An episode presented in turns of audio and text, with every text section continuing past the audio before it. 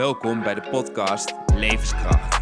Mijn naam is Loek Mechtelbrink en in deze podcast neem ik jou mee in mijn ontdekkingsreis voor een krachtig leven. Ik wens je veel luisterplezier.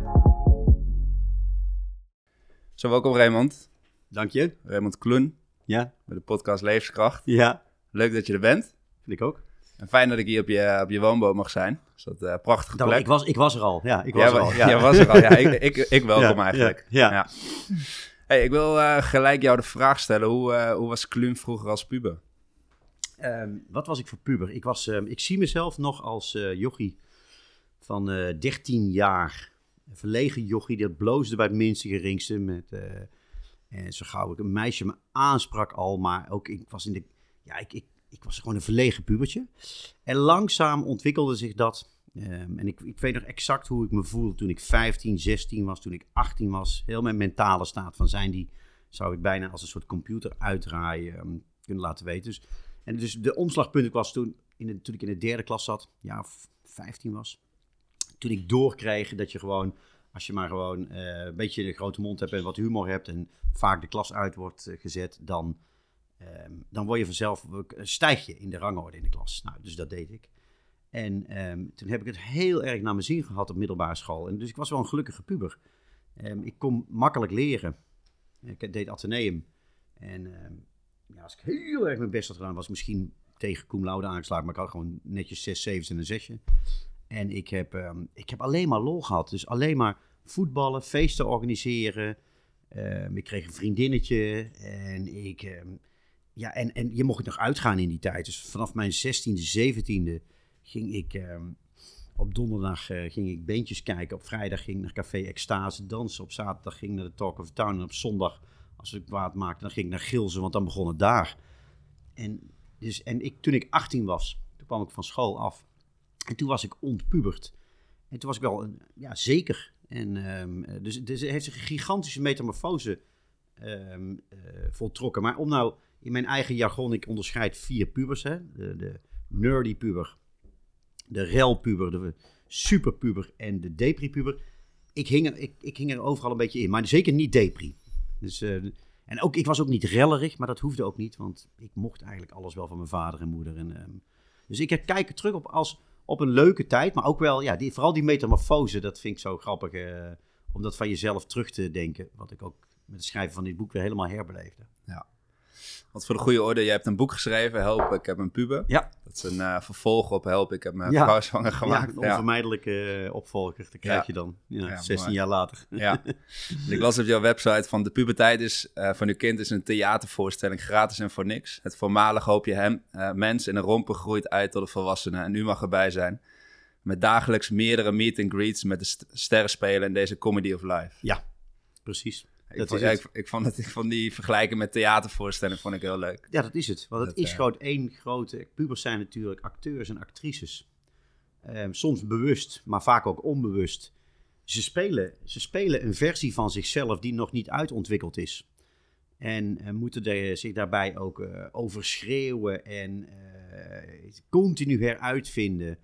Ehm, en het publiek, hè, wat als kind is het, zijn je ouders het belangrijkste publiek, maar als puber, een gegeven moment dan komt dat losmaken. En dat ontstaat ehm, zo rond je 13e, 14 Dan merk je in alle onderzoeken dat pubers ineens die rol van de ouder wordt overgenomen door de peers, hè, de, de, de groep om je heen.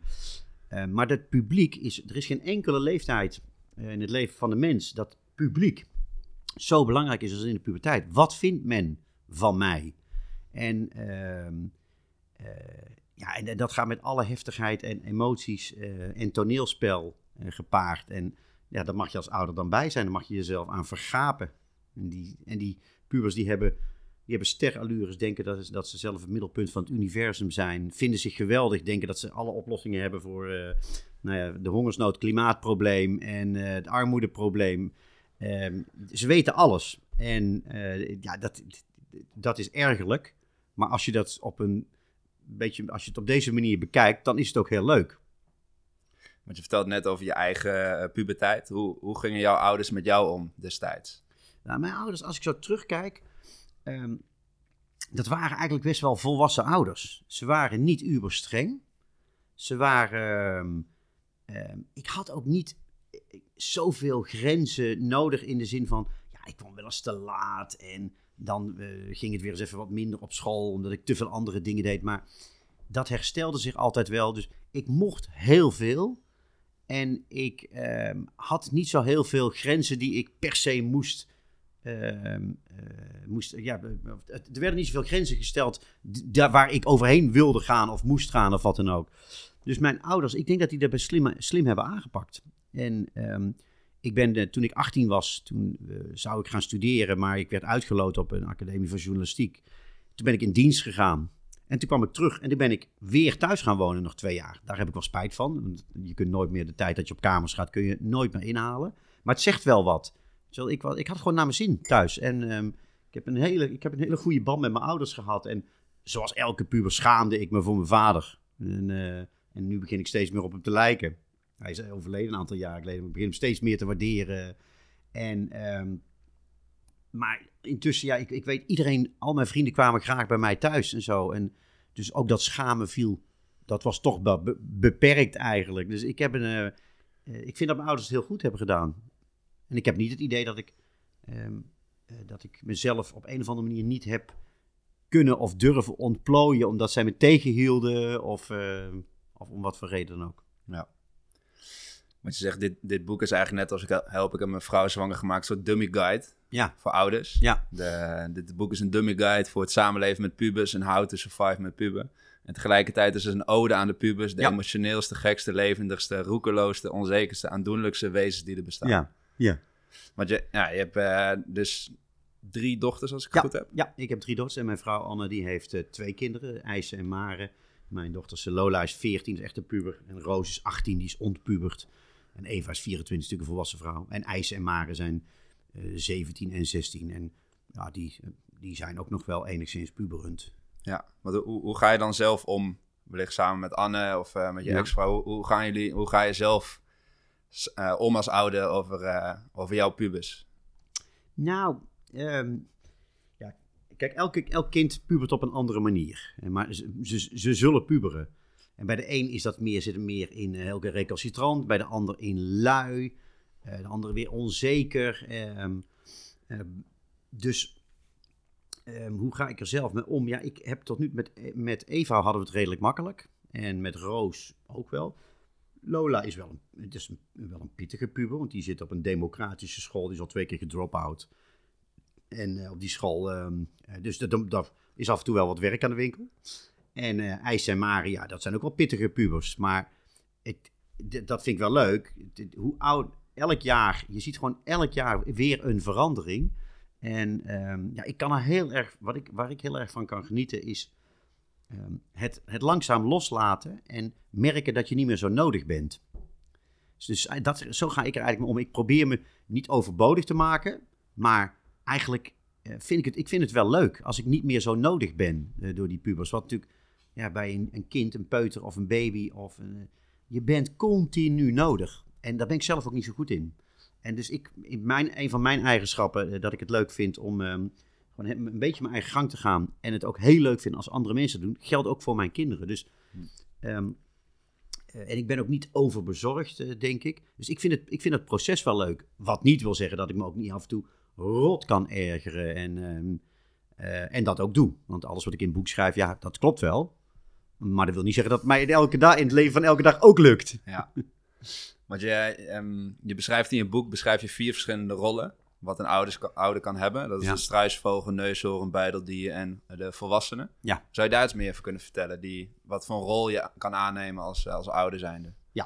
Dus eigenlijk het model heb ik geleend. En ehm nou begrijp ik dat jij ook de opleiding bij uh, Nonons hebt Ik, gedaan. ik, eh, ik, ik herken hem al. Je herkende het mature model Mature model, hè? Wat je in, ja. eh, in- laten we even een, in vakjargon, in coaching, als je te veel de coachie, ik vind het een vreselijk woord, maar er is geen ander woord voor. maar goed, als, de, als jij te veel vaderlijk en zo, of zeggen, ja, ik weet wel wat goed voor jou is, eh, misschien niet zo bot gezegd, maar als jij gaat adviseren en zo, nou, dan word je eigenlijk een soort macho. Hè? En als jij... ehm, ehm, eh, de- de- en, als je, en je hebt ook een mama-rol, hè, dat je te veel gaat moederen en zo. En, ehm, Curlingmoeder. en, je hebt, ja, ja, en je hebt een mol, dat je eigenlijk de problemen niet durft te benoemen die je voor je neus ziet bij een coach. Nou, zo heb ik het ook, dat pubermodel heb ik gedaan. Als je als ouder heel betrokken bent bij je kind, dus je wilt je verplaatsen en je wilt ook begrijpen wat dat kind denkt, maar eigenlijk geen grenzen stelt, dus eigenlijk continu begrip hebt voor die puber, ja, dan word je een buideldier. Dus die probeert alles op te lossen, inderdaad een curlingouder. Die maakt het brood als de puber weer eens te laat uit zijn bed komt en zo. Eh, die is heel betrokken en ze snapt, heeft overal begrip voor, maar stelt weinig grenzen. Helemaal aan de andere kant van het eh assenstelsel, als je heel veel grenzen stelt en duidelijk en dit, zo, zo hoort het en ik vind hier dat ik ben hier de baas in huis, maar het interesseert je geen reet wat die puber nou eigenlijk vindt, dan ben je neushoorn. En de ergste van alles is eigenlijk als je je en geen grenzen stelt en je kunt je niet verplaatsen in die puber. Dat zijn die ouders die niet eens precies weten hoe de drie beste vrienden van die puber heten en die ook geen idee hebben, die nog nooit meer naar het voetbal gaan kijken of wat dan ook. Ehm, dat, zijn dus, dat zijn de struisvogels. Dus als er een probleem ontstaat, eh, in plaats van in te grijpen, denken die dan van, nou weet je, ik kijk maar weg, want het waait vanzelf wel weer over zo. Nou, en de volwassen ouder, die willen we allemaal zijn. En in de praktijk zijn we dat ook vaak wel, behalve als we heel boos worden of heel bezorgd worden. De volwassen ouder, die is betrokken, die wil echt horen hoe zijn puber denkt. En eh, probeert zich te verplaatsen daarin. Ook dat die puber anders is dan hij of zij zelf. Ehm, en aan de andere kant stelt hij ook grenzen, maar niet te veel. Niet te vaak zeggen nee. Of, eh, dus dat is een beetje eigenlijk, als je mijn boek wil samenvatting, samenvatten. Niet te snel ingrijpen, vertrouwen hebben dat het goed komt. En heel af en toe de vangrail zitten, maar dan ook heel duidelijk de vangrail. En daar valt dan ook niet aan te tornen. Hm. Nou, zie daar. Ja, dus daar duidelijk die grenzen stellen. Ja, ja. Ontzettend lastig lijkt me dat als... eh, Ja. Ik, ik, ik heb een nichtje, Lieselot. eh ze woont hier ook in Amsterdam. Ik, eh, dus het nichtje van mijn, van mijn vriendin, nou, ook mijn nichtje is van de week 12 geworden. Dus Mhm. ik ken haar sinds ze 4, 5 is. Nou, Lieselot, klein meisje, schattig, weet je wel, zien opgroeien. En Ja. Ik was dus afgelopen eh, weekend op haar verjaardag. En Ja. we gingen vroeger altijd naar het museum in Amsterdam en naar Nemo. En alles vond ze helemaal leuk en, eh, leuk en eh, geweldig. Nou, dus was ze afgelopen week was ze met school naar het, Rijksmuseum, of naar het Scheepsvaartmuseum geweest. Wat ze normaal Ja. heel leuk vond. Ja, Dus ik vroeg aan haar, die Charlotte, hoe, hoe was het bij het Scheepsvaartmuseum? Ja, was echt zo saai. ja, Dat was echt niet normaal. Ja. Dat was gewoon echt, Ja. die man die Ja. bleef maar praten Ja. en hield maar niet op. Ja. En, en het bleef maar gaan. Nou, ik heb nog nooit zoiets saais meegemaakt. Dat ik echt dacht, waar is de Lieselot die ik kende van eerder, van vroeger, het kleine lieve meisje die nu, nu net in de eerste zit. Maar dat, ja, is, ja, welkom in de puberteit dan. ja, precies. Maar het is zo grappig, omdat ik bedoel, ik zie haar eh, eens eh, in de twee, drie weken of zo. Ja, maar je en dan- ziet gewoon per, per keer dat je haar ziet, zie je haar Ja. veranderen. Ja, nee, dat is ook, je, de, de veranderingen vertrekken zich, lichamelijke veranderingen bij jongens en meisjes, maar ook de mentale veranderingen, de interesse. Eh, je kunt het inderdaad, als je met, met een intervallen van een paar weken een puber ziet, Ja. dan zie je gewoon hoe snel het verandert. In stijl, in, in, in denken, in, nou, in alles. En dat is, af, ja, dat is eigenlijk, als ouder is dat natuurlijk bijna niet bij te houden. Ehm, eh, dus ja, dit is, dit is zo'n typerend voorbeeld inderdaad. Waar is de Lieselotte die ik kende? Ja, precies. nou, succes. En Begint het een beetje van basisschool naar middelbare school? Is dat voornamelijk een periode waar veel gebeurt? Nou, het is, bij jongens en meisjes is het anders. En het- ik moet nu even generaliseren, want elke jongen en elk meisje is anders. Maar eh, als je het gemiddelde neemt, eh, meisjes beginnen eerder te puberen. Ook de lichamelijke verand- veranderingen, menstruatie, borst, eh, en, en dat begint eerder. En ook de interesses dan. Meisjes gaan ook meer groeien. Er is maar één leeftijd met 13 jaar dat ja, meisjes langer zijn dan jongens. Jongens begint dat wat later. Je ziet ook op de middelbare school, ehm, als meisjes in de eerste klas zijn, die zijn, dat zijn al een beetje langzaam vrouwen aan het worden. En die jochies, ja, dat zijn gewoon nog kinderen. Die spelen nog met eh, Star Wars poppetjes en kennen, hebben nog plak, eh, plakalbums van, met Messi en zo erin. Terwijl die meisjes al geïnteresseerd zijn in de bloemetjes en de bijtjes. Die vinden Ja. die jongens in hun klas ook kinderachtig. En dat klopt. Ze zijn kleiner en ze zijn, nog, ze zijn eigenlijk, ja, het zijn kinderen. En bij jongens begint dat dan gemiddeld, want hè, er zit echt een, een marge in van anderhalf jaar of zo. Maar de gemiddelde jongen, die begint op zijn 13, 14 te puberen. Krijgt dan een enorme groeispurt ook. Dat, zeg, en dat is echt niet te doen, tot 12 centimeter per jaar. Dus de verklaring dat veel jongens van die slungels lijken, dat is ook zo. De hersenen kunnen nog niet wennen aan het feit dat de ledematen ineens in een paar maanden centimeters groeien. Dus alsof jij en ik met Pipo de Clown schoenen gaan rondlopen of op stelten of zo. Of van die hele grote handschoenen hebben. Nou, succes. Ehm, dus ehm, eh, ja, en, ieder, en bij ieder kind is dat natuurlijk anders. Maar de, de, de, ja, zeg maar de metamorfose ineens van veranderende interesses. Nou, laten we over die Lieselotte. Die had waarschijnlijk een half jaar geleden dat scheepvaartmuseum nog helemaal te gek gevonden. Ja. En, en nu vindt ze die man de stomste die er is. En iedereen is stom. En de ouders zijn stom. En leraren zijn stom. En ehm, ja, dat voltrekt zich. eh, ja, de jongens of meisjes lopen dus voor de jongens eh, uit. En, dan, eh, en meisjes zijn ook op, veel eerder volgroeid hè, als jongens. Dus die zijn. Ieder lichaam verandert continu. Maar de echte verandering die zijn bij meisjes rond 16, 17 gedaan. En jongens die groeien in lengte. En op alle gebieden groeien die nog wat langer door. En het duurt langer voor ze volwassen zijn.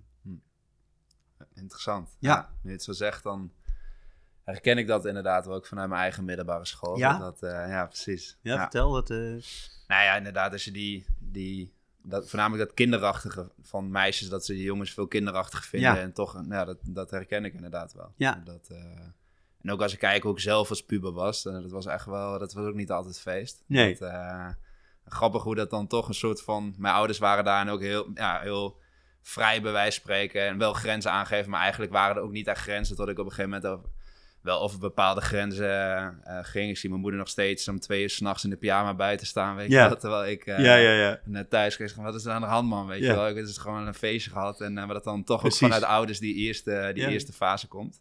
Ja, mijn vrouw kan niet slapen als een van haar kinderen nog buiten is, met name haar dochter. Ze kan gewoon niet slapen. Nee. En ehm, ehm, nou ja, en wij zijn het wel redelijk eens over de opvoeding, gelukkig. Ehm, maar niet dat je nog kinderen nog kunt opvoeden. En ik heb ook niks te vertellen over de kinderen van mijn vrouw. En zij eh, houdt zich hier een beetje weg. Maar, dat, maar we geven elkaar wel advies natuurlijk. Maar het conflict van eh, mijn vrouw met, met haar dochter. Dus haar dochter ja, maar ik hoef er toch niet onder te lijden dat jij niet kan slapen? Ja, daar zit wel een kern van waarheid in. Ja. Ja. Alleen als ze op straat hangt en veel later dan en de telefoon uit heeft, ja, dan vervalt weer. Da- da- Dan is het wel degelijk iets om bezorgd over te maken. Dus Ja, die grens van eh, waar ben ik als bezorgde ouder, wanneer mag ik eigenlijk ingrijpen en wat moet ik goed vinden en wanneer is het mijn probleem? Ja. Maar ik weet nog dat mijn moeder ooit, en toen was ik 40, toen eh, mijn moeder woonde in, en vader en moeder woonden in Tilburg, daar ben ik opgegroeid. En ik reed terug naar Amsterdam. En dat ze zei van, ik maak me nog altijd druk elke keer als jij ergens heen bent of je wel heel aankomt. Toen was ik 40, dus dat, is, dat blijft ook zo. Dus die- Ja. het is niet alleen dat je dat bij pubers hebt. En ik denk dat moeders dat nog iets meer hebben Ja. dan, eh, dan vaders in het algemeen. ja. Nou, dat herken ik wel. Dus bij de mijn zorg gaat nooit over. De zorg gaat nooit over, maar dat... eh, inderdaad wel wat, wat dan de dochter van Anne ook zegt, van inderdaad, de, je vindt het op dat moment moeilijk te begrijpen. Dat je denkt, waar maak je je zorgen om? Ik, Ja. ik zie mezelf nog steeds gewoon, Ja. gewoon recht langs zijn moeder heen lopen van ik ga naar bed en Ja, eh, veel plezier, weet je wel. Dus eh, dan denk ik, waar maak je je zorgen Geen enkel mededogen voor je moeder. Nee, precies, precies. Nee. Maar mijn moeder daar om twee uur s'nachts eh op straat zit. Nou ja, en even, waar maak je je zorgen over? Daar komt dan het volgende natuurlijk. Ehm, het, het gedeelte van de hersenen wat geschikt is om eh, prioriteiten te stellen, risico's af te wegen, eh, termijn, eh, eh, korte, lange termijn, et cetera. Nou, dat gedeelte is bij pubers nog niet volgroeid. Nee. Dus is het soms ook terecht dat een ouder zich zorgen maakt, want een puber, het, het is niet voor niks. Ik heb hier hè, op Museumplein die halfpipe. Ja, ik heb er nog nooit een 40er tour uit zien halen. Ik heb hier nog nooit. Ja, je kunt hier dat verkeer voor, voor de stoplicht. Hmm. Als je dan op je scootertje een beetje links gaat, op de verkeerde weg helft, heb je ze ingehaald. Ja. Hebben nog nooit een 30er of zo zien doen. Altijd jonge gasten. Dus een puber is ook, eh, kan risico's niet zo goed inschatten. En eh, ja, als een meisje zegt van, eh, we, eh, we- zijn moeder zegt, wat ga je doen? En dit is nu niet naar de dochter van mijn vrouw, maar wat ga je doen? eh, Van, eh, ja, een beetje chillen buiten en zo. Ja, het is ook iets moeilijker in te schatten wanneer er gevaar dreigt, op wat voor manier dan ook. En ehm, dus de zorg van ouders is, is dus deels eh, onterecht, omdat ze te bezorgd zijn, en deels natuurlijk wel terecht, want die weten wel wat er voor gevaren kunnen zijn. En eh, ja, dat is ook de gevaren van. ehm, cool, wij weten wel, denk ik. eh, ja, je, ik word zo eens in de een jaar, anderhalf jaar, word je een keer net ziek dat je net wat verkeerd te veel hebt gedronken. Maar dan houdt het wel op. Als puber, ja, ik zat elke twee weken ik boven de pot, omdat je gewoon Ja. geen idee hebt hoe wat, wat kan, hoeveel en dit en dat. En ja, dat moeten pubers allemaal leren. En dan was mijn moeder, ik weet niet hoe jouw moeder daar was, maar die zei van, oh ja, je voelde je die middag al niet zo lekker, weet je wel. Ook een soort van bescherming. Oh ja, ja, ja, ja, ja, ja. Ik ja. met de Achterhoek, dus zo gewoon... Oh ja, dat werd ook flink gezopen ja, natuurlijk. 13 was met je, met je beugel, uh, Ja. aan je broek. Ja. Ja. dus dat, eh, ja. Want ik heb je ook horen zeggen van, inderdaad, je zegt over die ouders en over die pubers, maar dat je eigenlijk een, een puber kan je niet veranderen. De enige wie je kan veranderen ben jezelf. Precies. Maar dat lijkt me ontzettend lastig als ouder. Ja. Als je... Correct. ja. Oké. Maar dit is eigenlijk hetgeen. Kijk, kinderen kun je opvoeden. Maar je kunt pubers niet meer opvoeden. Dat, dat kan niet meer. Een puber, die moet je helpen zichzelf op te voeden. En je taak als ouder is, ehm, je moet zorgen dat die puber zichzelf kan eh, en gaat worden. En durft te worden. En hem daarbij steunen. Ehm, dus ja, het, het is als ouder, het, is, het, het heeft niet zoveel zin om ehm, eh, een puber te proberen te kneden naar jouw ideaal. Ten eerste, je hebt het recht niet, want puber is je kloon niet. Of een kind is je kloon niet. Eh, en jouw waarden en normen, ja, dat is hartstikke leuk voor jou, maar die hoeven niet noodzakelijkerwijs de norm van je kind te zijn. Niet als puber, maar ook niet als aankomende volwassene. Ehm, dus het is geen kloon van je, het is ook geen accessoire van je, want laten we wel wezen, heel veel mensen met jonge kinderen, ja, die kleden hun kind, je kunt je kind dan ook aankleden hoe jij het leuk vindt. En, eh, ik vond het leuk om mijn kinderen Nirvana-shirtjes aan te doen en zo. Dat vond ik heel cool staan als een kind van vier met een Nirvana-shirt liep. maar ja, dat gaat op een gegeven moment niet meer als puber. Dus eh, ze moeten hun identiteit vinden. En ehm, dus een kind is geen accessoire. Als een kind het goed doet op school, ehm, ja, daar ontleen je als ouder toch status aan. Ehm, alleen, ja, dat is natuurlijk niet de bedoeling van het ouderschap. Daarvoor is het niet gemaakt. Het is niet, eh, dat, als je accessoire wil, nee, neem dan een tattoo of een duur klokje of eh, koop, een, eh, koop een BMW met spoilers. Zo, weet je ik veel. Koop een Harley als man, wat, wat je ook wilt. Maar een kind is niet je accessoire. En dat is ook best wel moeilijk om dat los te laten. Het feit dat je kind gewoon zijn, eigen, zijn of haar eigen gang gaat in alles. Ehm, en dat jij niet het, eigenlijk niet het recht hebt. Het is niet je, je lijfeigen of zo. En Nee. Er is een hele mooie vergelijking van een Libanese dichter. Wiens naam ik uiteraard vergeten ben. Maar die zegt van... ehm, eh, jij, bent, jij bent niet de, de schutter van de boog. Je kind is de pijl en die gaat ergens naartoe. Jij bent niet de schutter. Het enige wat jij bent is de boog. Dus die kan helpen om die pijl eh, een, een richting op te laten gaan. En zo. Maar je, het is, je hebt niet het recht om te bepa- bepalen hoe ver die moet, welke richting die moet. Dat is niet aan jou. En dat is denk ik wel een, een les voor heel veel ouders. Ehm, ja, jij bepaalt niet wat, wa- hoe jouw kind is, wat het moet vinden, wat het moet denken, wat belangrijk is in het leven. En eh, dat zal een kind zelf moeten gaan uitvinden. En wij weten als volwassenen, eh, neem al onze vrienden en vriendinnen, het zijn allemaal andere mensen. En alle volwassenen zijn anders en jij bent anders dan ik. En dat maakt het leven ook leuk. Nou, als je daarbij nadenkt, eh, ik heb drie kinderen, eh, die zijn allemaal anders. En, eh, ja, en dat, dat, ik denk, de kunst is dat je het leuk vindt om te zien hoe gaat mijn kind zich ontwikkelen. En, en ook het kind dan gunt dat er tegenslagen zijn. En je wilt een kind behoeden voor alles. Maar ja, soms is het, ja, soms is het wel goed dat het een keer blijft zitten of liefdesverdriet heeft of ergens van een, eh, van een trap ja, afvalt omdat het weer te roekloos was. Dat hoort er allemaal bij, maar het liefst als kind wil je, of als ouder wil je natuurlijk je kind behoeden voor alles. De thema's wel een beetje loslaten als ouder zijn. Ja, ja, loslaten en wel zien op wa- wanneer, ehm, wanneer moet ik echt de vangrail zetten en hoe doe ik dat dan? Hoe, zo- hoe ga ik een gesprek aan met een puber die helemaal niet met me wil praten en die alleen maar ja, en ja hoor, en eh, jouw probleem roept. Hoe doe je dat als, er, eh, als jij denkt van ja, nu is het, dit, dit is niet echt, dit is niet oké. Hoe zeg je nee en hoe ga je eh, zo'n gesprek aan? En ehm, nou ja, het grappige is, we, we, we hadden het over die coachopleiding heel veel dingen die je in coaching leert, eh, heb je denk ik als puberouder heel veel aan. Eh, dan van hoe bemoei je er niet te veel mee, maar confronteer en probeer op een goede manier duidelijk te maken dat sommige dingen niet kunnen. En als, de, ja, als iemand dan nog denkt dat het niet, of dat alle dingen wel kunnen, dan, ja, dan moet je ook hard durven ingrijpen.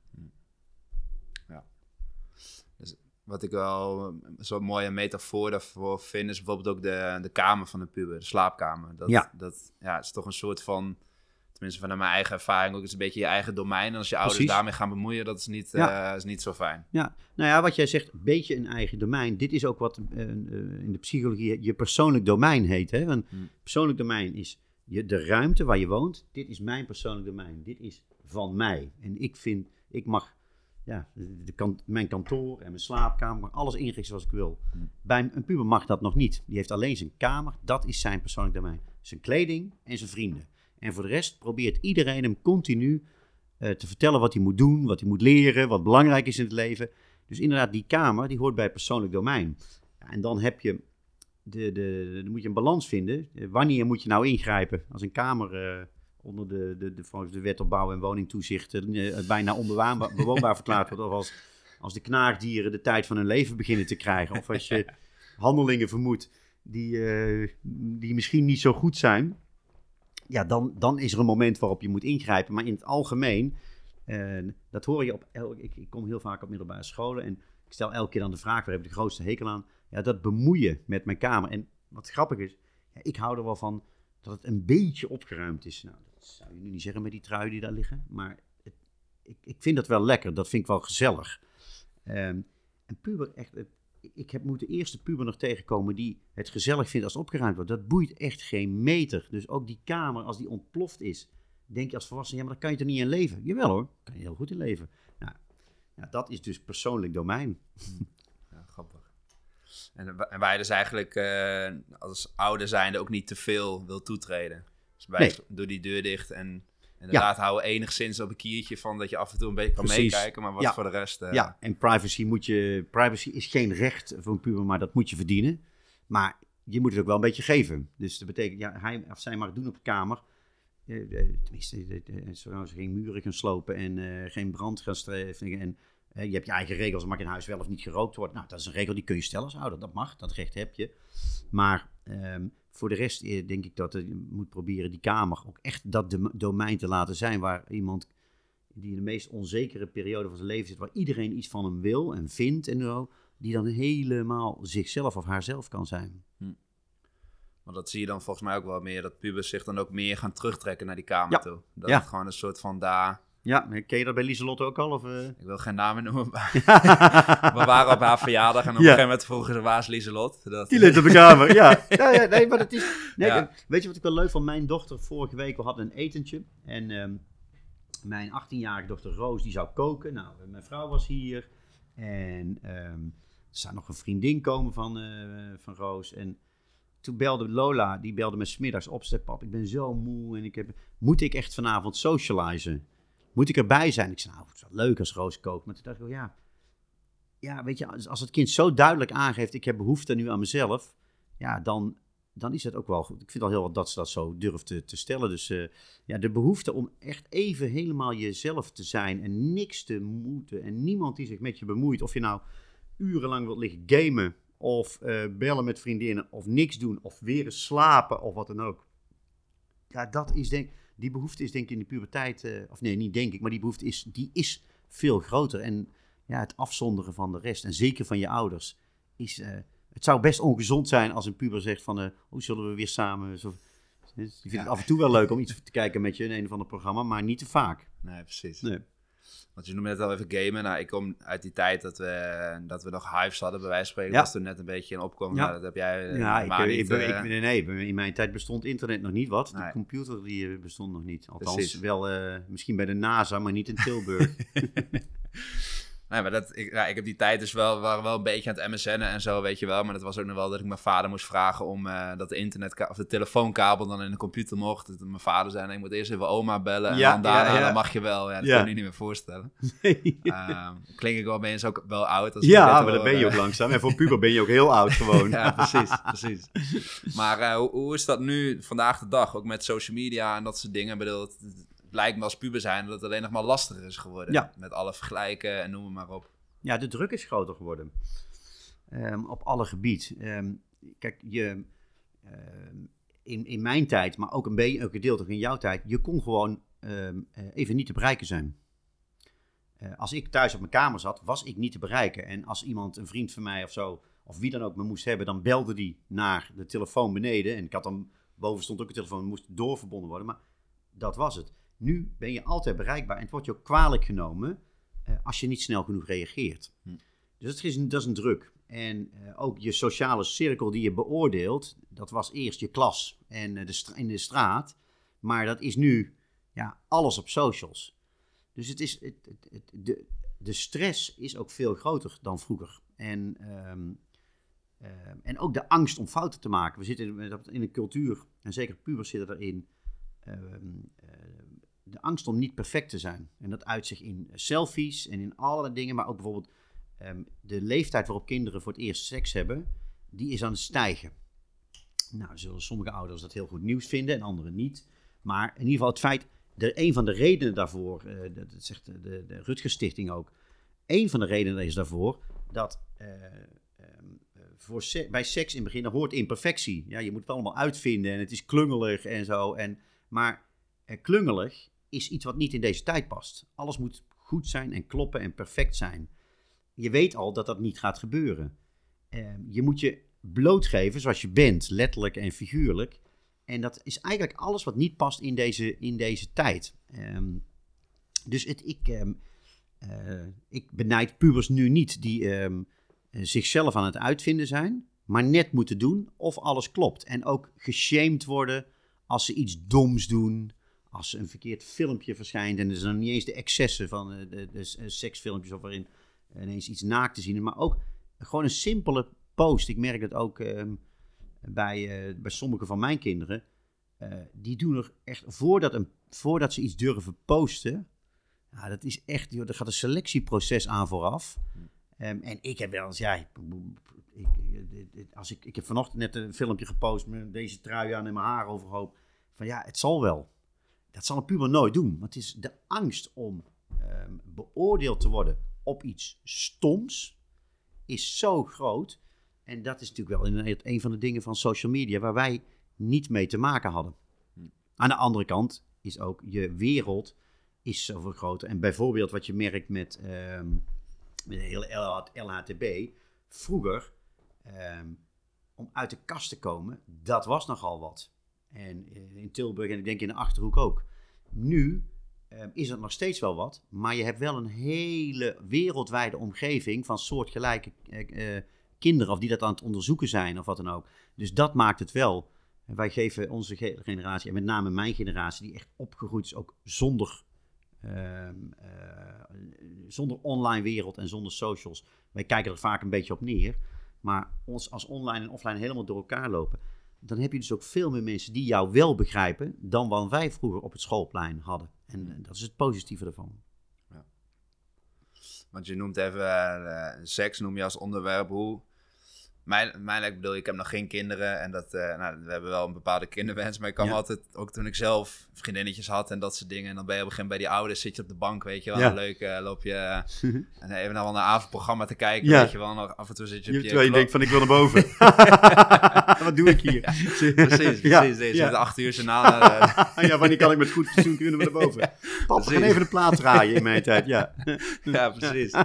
precies, we gaan boven even een film kijken. En dan, ja. Ja. Precies dat inderdaad. Dat je ook op je klok zit te kijken voor hoe laat gaan we zeggen dat we naar boven precies. kan. Ja, kan, dat- kan dat er nu al, alle tijden. Ja. ja, Ja. precies. Maar dat lijkt me meer als ouder zijnde, weet je wel, dat je dan je dochter of je dingen, dat, dat, dat moment van oké, eh, wij gaan even boven een film kijken, is dat... Ja.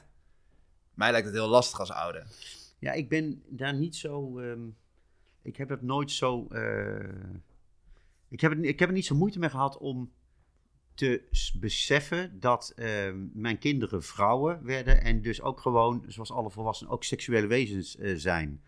En ehm, ehm, ja, en ik, ik heb dan in, dat, in het hoofdstuk over seks van er is nog nimmer in de geschiedenis een puber geweest die eh, de timing van wanneer hij wil beginnen of zij wil beginnen met seksuele carrière en wat van wanneer het zoenen overgaat tot meer, die dat afhankelijk laat zijn van de ouders. Ze gaan hun eigen gang en dat deden we allemaal. En eh, de, bij de een, mijn ouders waren ook niet zo moeilijk in, er mocht best een vriendinnetje bij mij zijn. Of mijn, zo lijkt of ik er zes had. Nou, dat was niet zo. Mijn vriendinnetje mocht best bij me zijn. En, ehm, en andere ouders, die vonden het heel moeilijk. Ja, dan gebeurde het in het poortje. Of zogenaamd, ze was bij een vriendin en zo. Eh, kinderen van alle tijden zijn heel creatief op het moment dat je zin krijgt in eh, seks of in, in, in seks light of echt seks, ja, dan vind je je weg. En ehm, daar, kun, daar kun je als ouder van alles van vinden, maar Ja. dat, dat, dat is nou eenmaal zo. En sterkte als je dat, eh, als je daar, ja, om wat voor reden, om een religieuze reden of zo, vindt dat een kind dat niet mag doen. Eh, als het kind zich daaraan houdt, misschien is dat wel ongezonder. En, ehm, tenminste, als ze zelf wel zou willen, of hij zelf wel zou willen. En als een kind geen seks wil. En nogmaals, het, de, de, het is nu 17,2 jaar waar het gemiddeld eh, is. Maar uit alle onderzoeken blijkt, als een kind 14 is, weet- weten de meeste ouders ongeveer wel wat hij uitvreet. Maar de vraag, ehm, ehm, heeft je kind al gezoend? Dan komen ouders nog enigszins in lijn. Ik weet het niet uit mijn hoofd meer, maar dat staat in het boek. Maar ik noem maar iets. Als 50% al gezoend heeft, denken de ouders, denkt 40% van de ouders dat. Maar als je één of twee jaar verder bent, denk je dat je kind al een seksuele handeling heeft gedaan, die verder gaan dan zoenen. Dan zitten ouders er falikant naast. Dan blijkt ehm 60, 70% al iets gedaan te hebben, terwijl nog maar, nog maar minder dan 50% van de ouders dat denkt.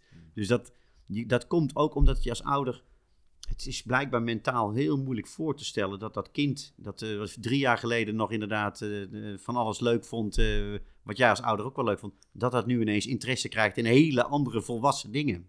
Dat is heel schijnbaar zo moeilijk te begrijpen voor, of te, te voelen voor ouders, dat die ook dat niet willen weten en een totaal verkeerde inschatting maken. Dus dat is ook wel een bepaalde naïviteit misschien. Ja. Ik denk van mijn kind, die eh, zal Nou, niet... ik, misschien is het meer dan naïviteit nog. Ik denk ook dat het een soort wishful thinking is of zo. Hmm. En ehm, kijk, eh, kijk, en het is wederzijds, hè, want eh, het ergste wat je kinderen kunt aandoen is dat ze echt geconfronteerd worden met jouw seksleven. Maar ehm, ja, dat, dat, dat is gewoon een, in een ouder-kindrelatie is dat best moeilijk. Omdat het een, een van de meest, ja, een van de meest enge dingen is, eh, je, kind, je kind of je ouder als seksueel wezen zien. Ja, maar dat, ja, daar kan je ook weer een boek over schrijven, over dat soort ervaringen natuurlijk. Dat dat... eh, Oh, je kunt het overal over schrijven. Ja. Hey, en eh, ik, ben, ik ben wel benieuwd, hoe, hoe is het dan met pubers onderling? Want eh, we spreken nu veel over de, over de oude puberrelatie, et cetera. Mhm. Maar hoe is, het, hoe is het bij pubers onderling? Nou, je bent wel eens de middelbare school, no- noemde je net al. Vandaar, hoe, hoe, hoe is die verstandshouding? Ehm, nou, pubers onderling, kijk, de, de, strijd eh, om je plekje is heel belangrijk. Dat was zo en dat is zo. En ehm, eh, in principe is het allerbelangrijkste, zo, ze noemen het dus social, immediate social death hè, of social suicide. Het is zo belangrijk om niet buiten de groep te vallen. En eh, dat zijn natuurlijk verschillende groepen. Hè. Dat, herinner je waarschijnlijk iedereen van vroeger in de klas. Je had verschillende groepen. Je had bij de populaire, je had dit of dat. Maar buiten je eigen groep eh, vallen of een stap terug moeten doen. Een groep die eh, in perceptie eh, lager in de pikorde zit dan die groep waar je toe behoorde. Dat is de vrees voor ieder, van iedere puber.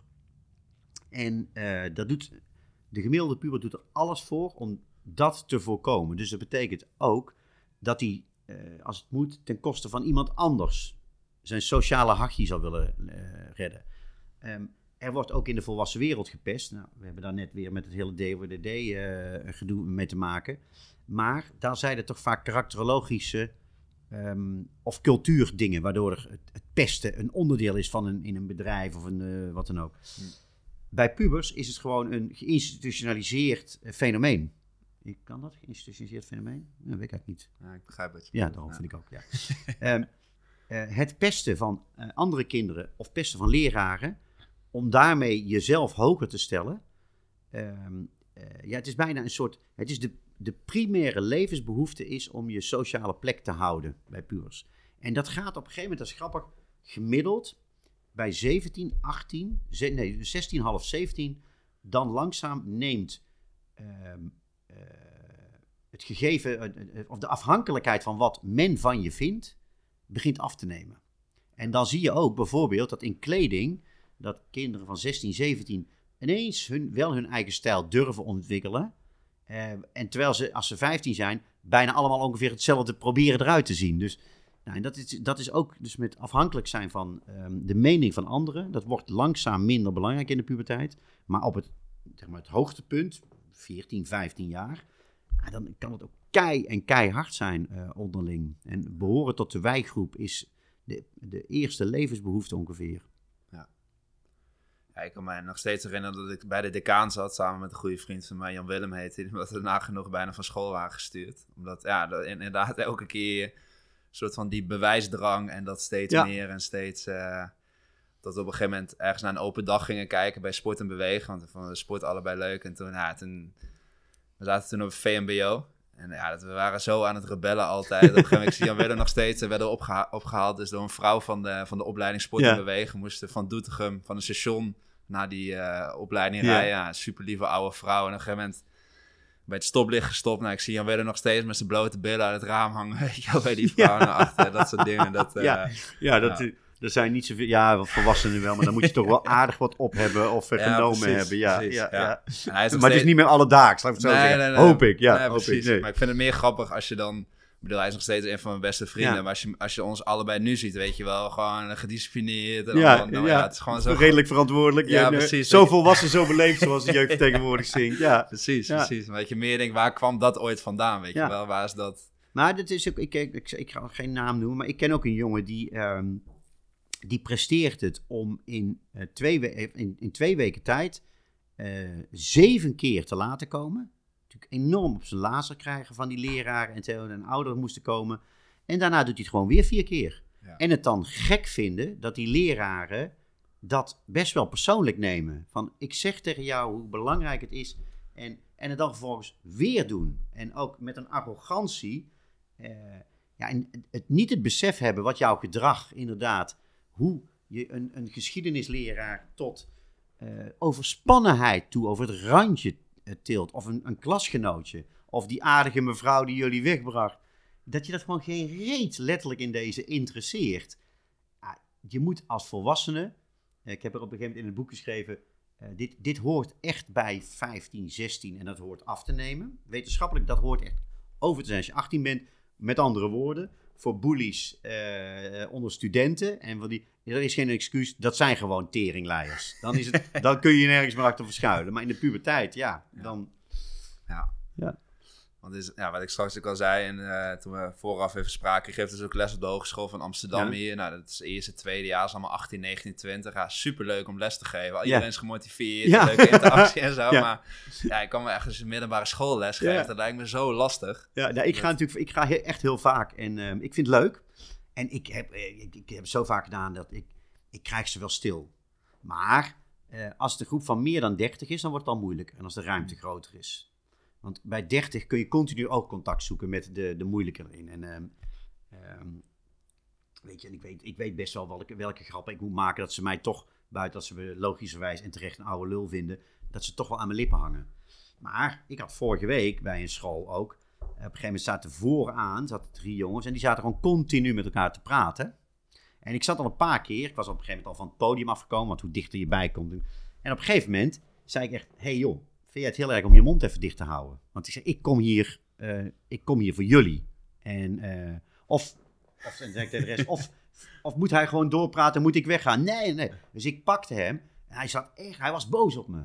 En later ging ik naar hem toe. Ik zei, dit was even nodig, joh. Eh, ik zeg, jij, het was even jij of ik. Ehm, en als ik had gekozen voor jou en maar doorging, dan was het groter geworden. En toen moest hij ook wel lachen. Want hij heeft natuurlijk zelf ook door, zo'n jongen. Maar ehm, ik vind het wel leuk. Om voor, een- eh, ik moet niet aan denken om leraar te zijn, maar, zijn. Maar ik vind het wel leuk als schrijver altijd om, eh, om, middel, eh, om op middelbare scholen te komen. Maar inderdaad, als ze 18, 19...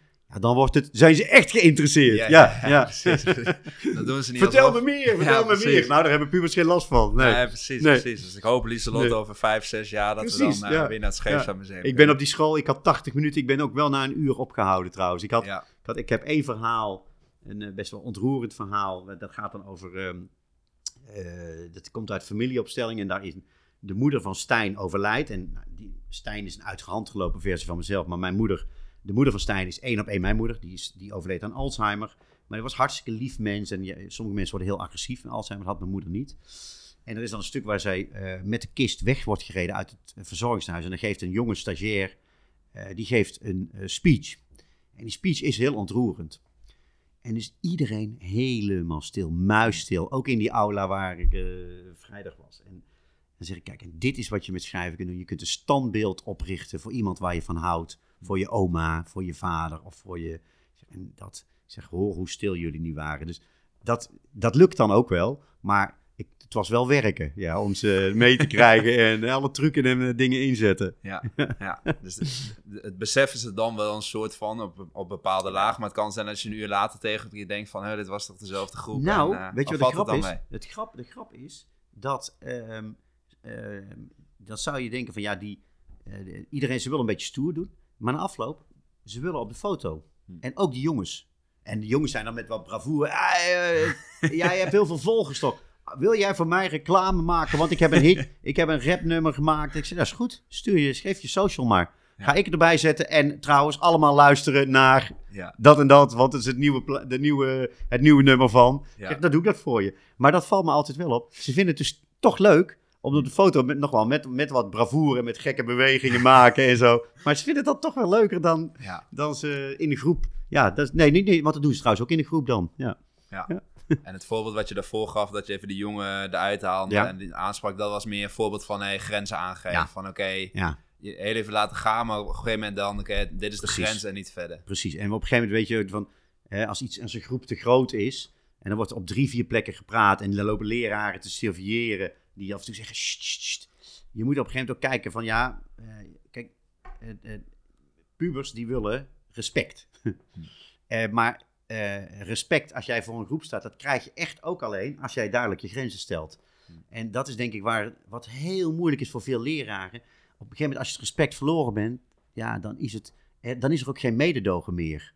En ja, voor mij het ergste wat me kan gebeuren als ik een uur voor een groep sta, ja, dat ik het een kutgroep vond. Maar ik heb het eerlijk gezegd zelden. Ik vind het wel leuk, maar soms is het wel nodig om even dat respect ook, eh, ook af te dwingen. En ja, dit gaan we dus niet doen.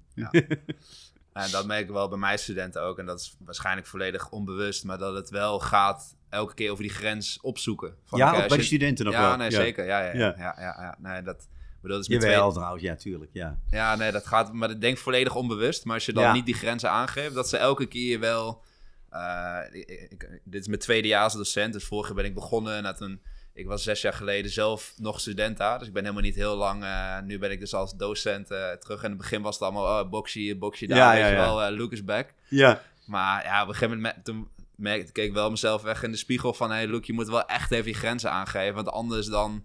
eh, het is wel belangrijk om even die hiërarchie ook duidelijk aan te geven. Want anders zijn ze die grenzen wel echt aan het opzoeken. Ja. En nu merk ik in mijn tweede jaar is het wel echt... Oké, lachen, even wel boksen, weet je wel. Ja. Maar wel, dit is de grens en dat is dan ook wel duidelijk. Precies. Dat, ja, eh, ja, dat en dat zou bij pubers nog meer. Veel meer nog. Ja. Ja. ja. Nee, want als een puber inderdaad zijn eigen, zi- zijn eigen positie in de groep kan versterken door eh, jou belachelijk te maken als leraar of zo, dan zullen veel pubers dat niet laten. En eh, dat kan heel subtiel of heel openlijk eh, zijn. En, ehm, ehm, maar eh, ja, het, het- alleen dat. ehm, mijn vrouw, die, die eerlijkheid is een van de grootste waarden van haar. En elke puber liegt.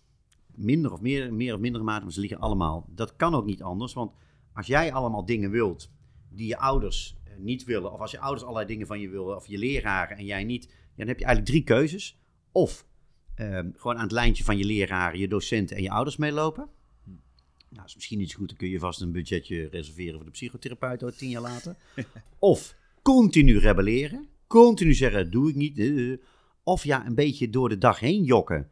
En ehm, eh, ja, bij liegen eh, moet je bij een puber maar niet te persoonlijk nemen. Ze doen het helaas allemaal. En ik hoor ouders vaak zeggen, ja, en als hij er nou maar eerlijk over was geweest. Ja, ze zijn niet eerlijk, want ze kiezen de makkelijkste weg. En laten we eerlijk zijn, hoe vaak eh, verzwijgen wij niet iets? Of het nou voor een agent is, of voor je partner, of een vriend, of wat dan ook. Eh, wij zijn ook niet continu helemaal eerlijk. Nou, en pubers, bij pubers is dat nog belangrijk, want die moeten zich losmaken. En, ehm, ja, en zullen dat ook proberen. En zullen ook proberen om zichzelf te versterken ten koste van anderen. Als je kijkt naar de, ehm, beetje die OVK, oude volwassen kind, maar ook het boek van Ik ken me ikke. Ik weet niet of je Ja, het kent vanuit. Ik denk in die end hebben we allemaal nog een puber in ons, toch? Zeker. Dat, eh, Zeker. Bij de is hij nog meer aanwezig dan de ander, maar dat... Absoluut. Ik heb ook, als ik onzeker word, als een situatie waar ik echt even. dan komt ook dat jochie weer naar boven. Alleen, wij, ik denk als volwassenen, we zijn er zo goed in geslaagd om die puber. ehm, eh, dat, dat, dat onzekere te, te, ma- te maskeren. En ehm, ik was hier laatst op de brug stond, had iemand op een verkeersbord geschreven: iedereen is onzeker. En dat vond ik zo'n mooie zin. En dat is ook zo. We zijn allemaal en iedereen op een ander gebied onzeker. Nou, een puber is continu eigenlijk onzeker, maar moet zich dus overschreeuwen en dan op een gegeven moment krijgt hij zelfvertrouwen, krijgt ze zelfvertrouwen zo. Maar eh, de puber in ons eh, en ook het ja, leuk vinden, puberale dingen leuk vinden, denk dat dat ook wel blijft. Ik heb dat tenminste wel, met, of het nou met voetbal is of wat dan ook.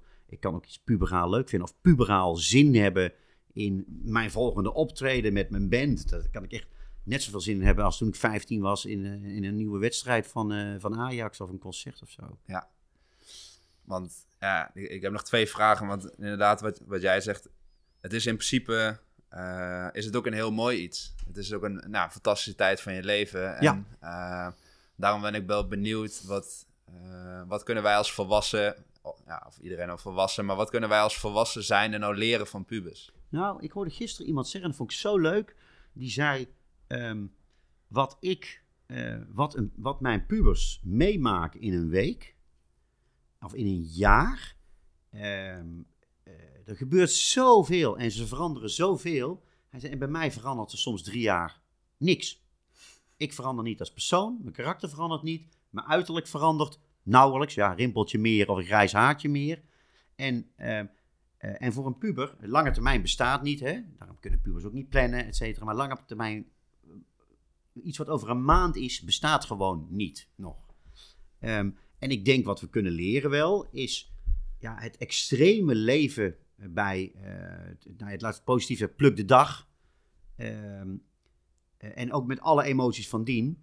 Ja, dat, dat vind ik wel dat, dat we kunnen af en toe wat, wat kunnen leren uh, van pubers. En, uh, wij zitten allemaal van het plannen en als ik dit bereik dan. En, en en wat zullen we doen volgend jaar in juli op vakantie? En dat moet ook wel, want we moeten ons leven organiseren. En we moeten onze.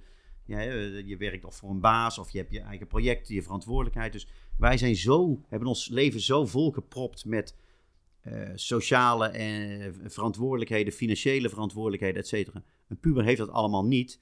En wij kijken er soms een beetje, ik ook, ik kijk er soms een beetje van, jezus man, come on, doe wat. Maar aan de andere kant is het ook, ja, ik het is ook wel iets om van te genieten. En daar kunnen we af en toe denk ik ook wel wat van leren. Van, uh, het gaat om het nu. En uh, eigenlijk zijn pubers eigenlijk een soort, allemaal een soort kleine Eckhart Tolletjes of zo, maar zonder dat ja. ze het weten. Ja. de kracht van het nu. De kracht van het nu. Ja, nou, maar ik bedoel, ik krijg regelmatig coaches met een bepaalde coachvraag van ja, ik wil meer nu leveren of meer ja. hier en nu zijn. Ja. Dat is, nou, nee, mijn puber. Ja, nee, mijn puber.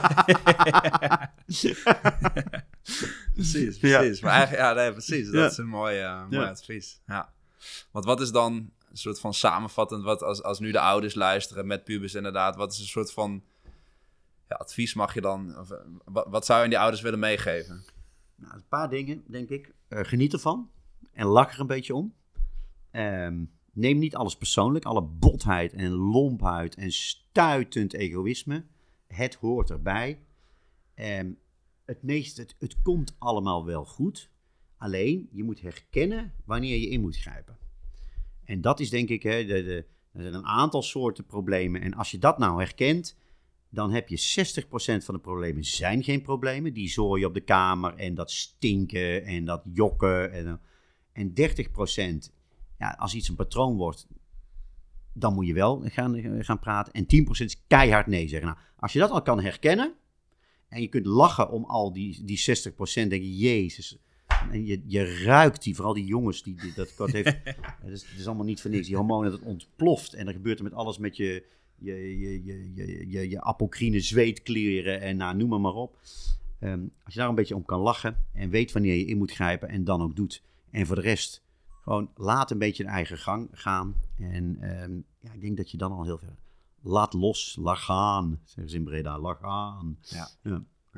En als laatste dan voor de pubers, de pubers die luisteren, wat zou je daar uh, aan willen meegeven? Ja, ik zou eigenlijk, um, ja, durf jezelf te zijn. En um, met al je onzekerheden. En durf je eigen ik te vinden. En laat je daarbij niet leiden uh, te zoveel door wat anderen vinden. En uh, probeer je eigen identiteit. Want ja, dat ben je waard. En wat het, wat het, wat het ook is. En Um, dat bepaalt niet je leraar, bepalen niet je vriendjes en vriendinnetjes, bepaalt zeker niet je ouders. Dus durf, vind uit wie je wilt zijn en word dat ook. Zo, stichtelijk einde. Zeker, ja. Ja. Dus dat, eh, maar het schept wel hoop dat ik weer...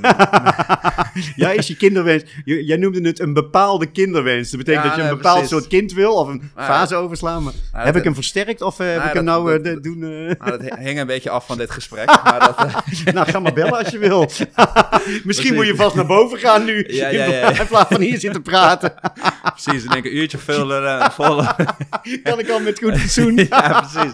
Kan ik al weg? Dat, eh, ja. Mooi. Ja, zie je, Ja. de pubers in ons komen voor. Ja, ja, ja, ja. Dus de puber kwam maar Mooi. even, even omhoog. Heerlijk. Superleuk. Dankjewel voor het mooie gesprek. Ja, jij ook bedankt. Vond het leuk. Help, ik heb een puber. Die is eh, waarschijnlijk overal... eh Hij ligt overal. Je Ja. kan hem niet ontgaan. nou, Nee. helemaal goed. Super. Oké, Dankjewel, goed, vond het leuk. Leuk. Ja, dat was hem weer, lieve mensen. Ik hoop dat je hebt genoten. Laat even weten wat je ervan vond. En dan spreken wij elkaar snel weer. Maak er een mooie dag van en tot de volgende.